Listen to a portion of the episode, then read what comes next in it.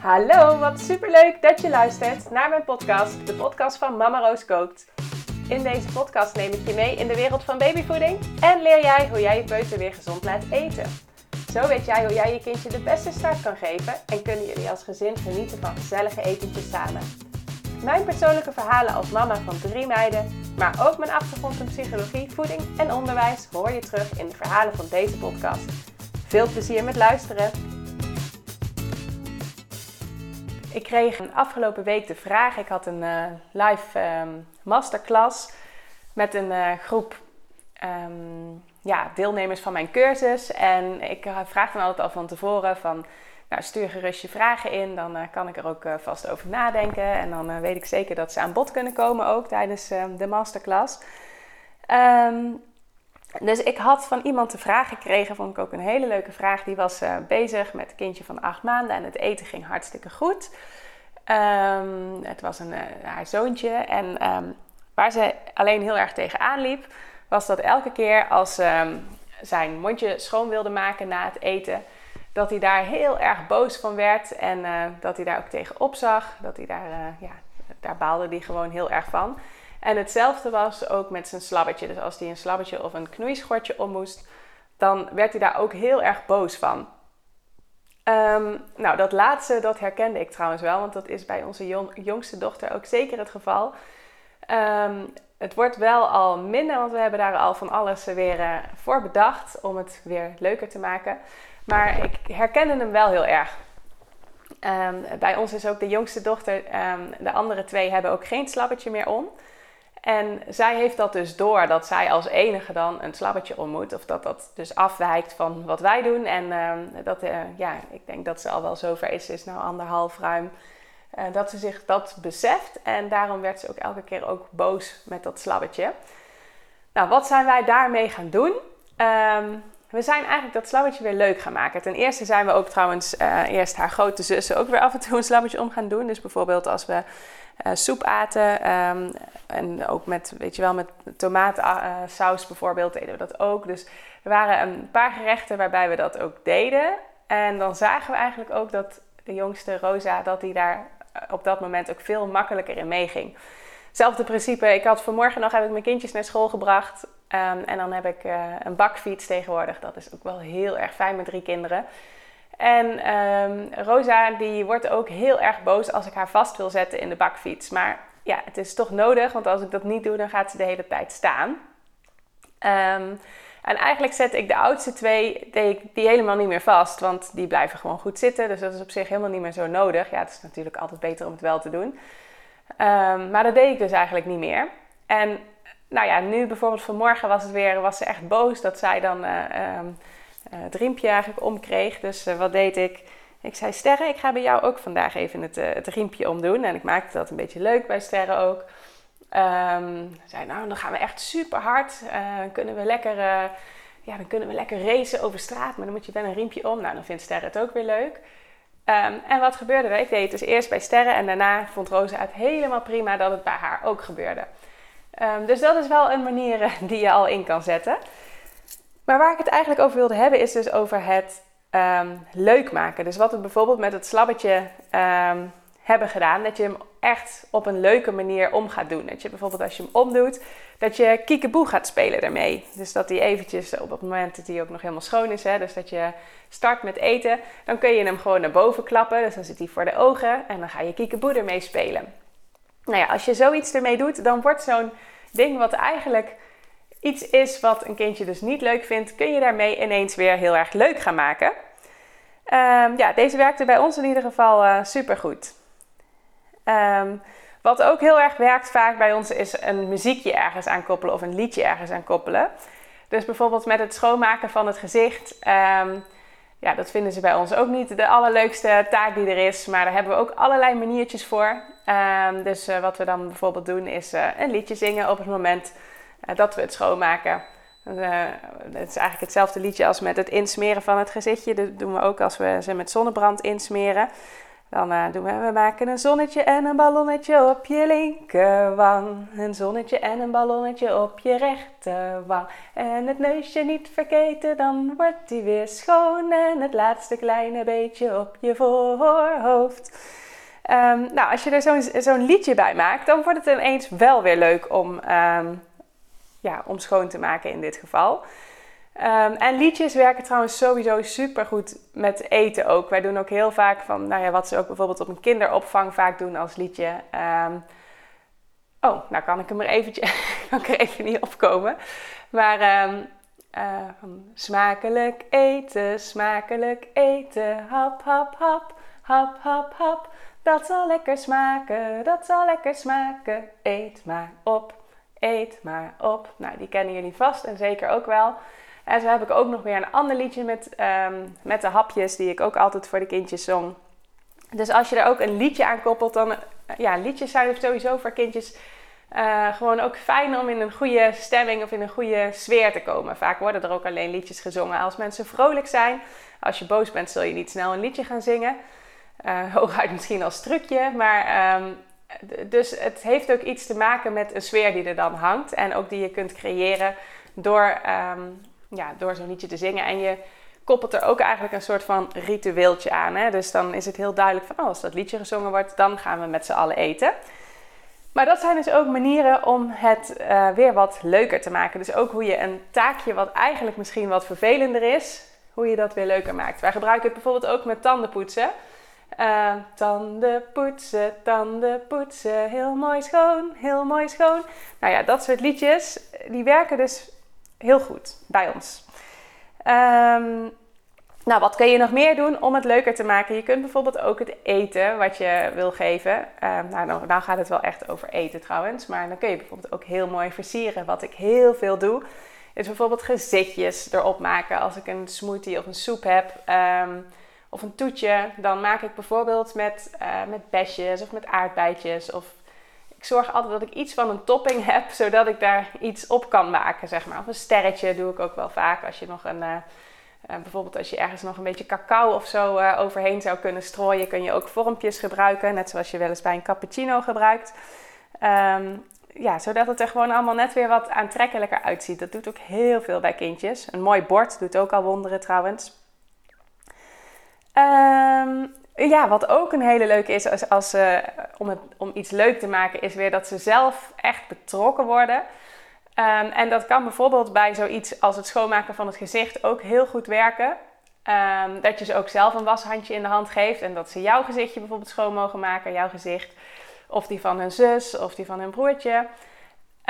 Um, of zichzelf. Vaak als ze het zelf mogen doen, vinden ze het ook heel leuk. Nou, dan kun je het daarna alsnog na, uh, nadoen. Maar ja, door, dan geef je ze wat meer autonomie en dat zelf doen uh, vinden ze over het algemeen heel erg leuk. Maar dat werkt dus ook met eten, dat ze zelf nog iets mogen doen. Um, wat ik net zei, van ik zorg heel vaak ervoor dat ik bijvoorbeeld een topping heb. Dus stel wij eten soep, dan uh, zorg ik ervoor dat ik uh, nog wat croutons heb of nog wat kruiden gesneden of een beetje kaas wat je erin kunt strooien of stukjes van uh, stukjes tomaat of stukjes paprika, dat je nog wat knapperigs hebt bijvoorbeeld. Of bijvoorbeeld ik maak een guacamole en dan doe ik er nog een lepeltje in of een klein beetje room. Of in ieder geval, ik zorg dat, je, dat er iets is wat er nog in kan. En dat kan ik dan doen en dan kan ik het mooi versieren en dat is leuk. Maar het is ook heel leuk als ze het zelf mogen doen. En daar worden ze over het algemeen bij ons ook heel erg blij van.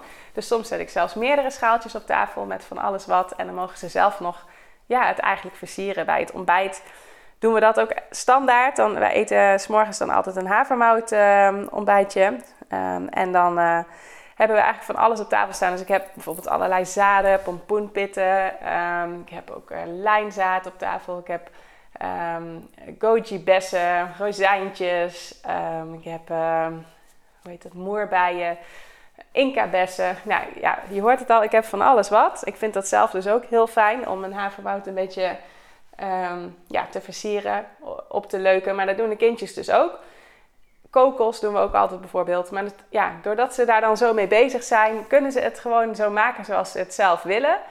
En dat zorgt er ook voor dat ze, ja, dat ze het leuker vinden en dat ze ook beter eten. Um, ja, wat ik ook een vraag die ik ook vraag, vaak krijg is over drinken. Dat, uh, vooral bij peutertjes speelt dat, hè, dat uh, een kindje niet genoeg wil drinken. Um, ja, wat is genoeg dan? Op warme dagen zoals, uh, ja, ik neem dit nu op, even kijken, het is eind mei. Um, het is echt heel lekker weer. Het is warm, maar dat betekent dus ook dat kindjes veel moeten drinken. En nou, vaak hebben ze daar niet heel veel zin in. Als ik het elke keer loop ik met zo'n bekertje achter ze aan. Nou, dat werkt niet. Maar als je het op een andere manier um, aanbiedt, dan vinden ze het vaak weer wel superleuk. Dus de ene keer stop ik er bijvoorbeeld een rietje in en dan stop ik het weer in een andere beker. Um, en dan niet zozeer gewoon een, andere kleur of zo, maar dan bedoel ik bijvoorbeeld, nou, Veren die gaat dan naar school.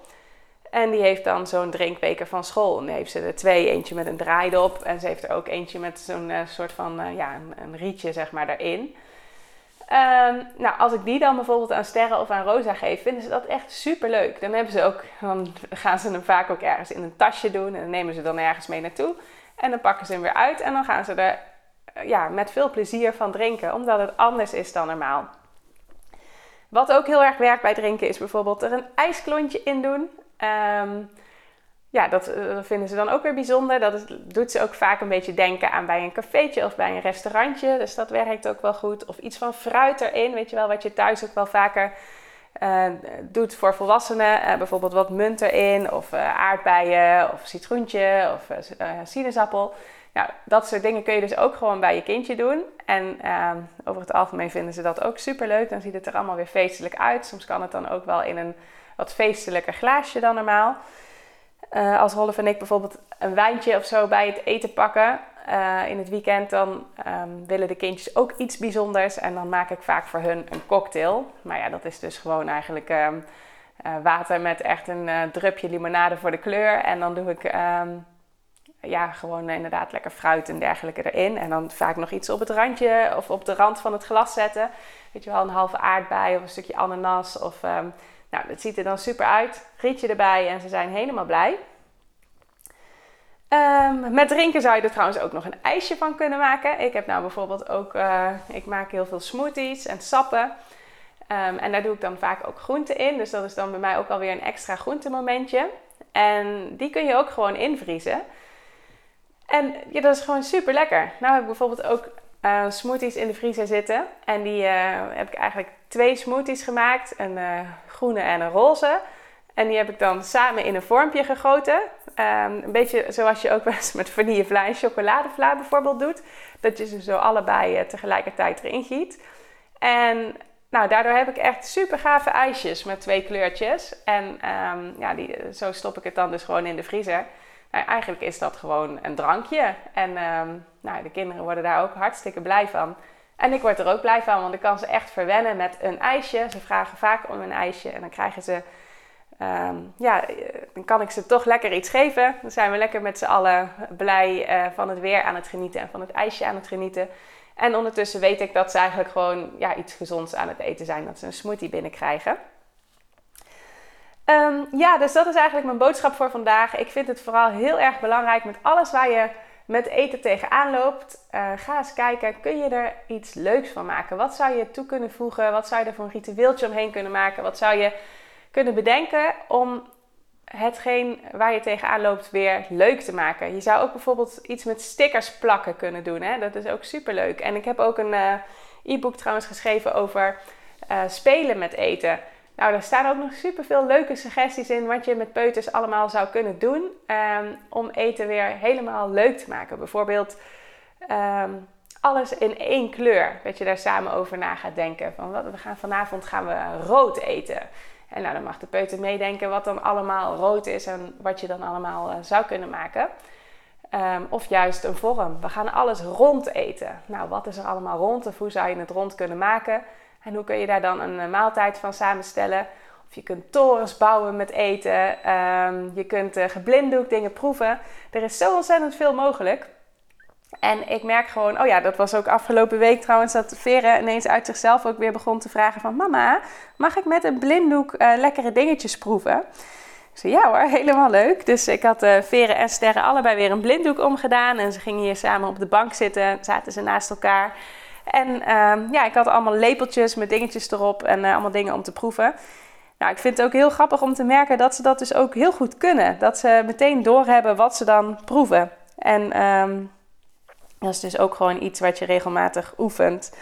Uh, ja, dat ze die smaken leren te benoemen.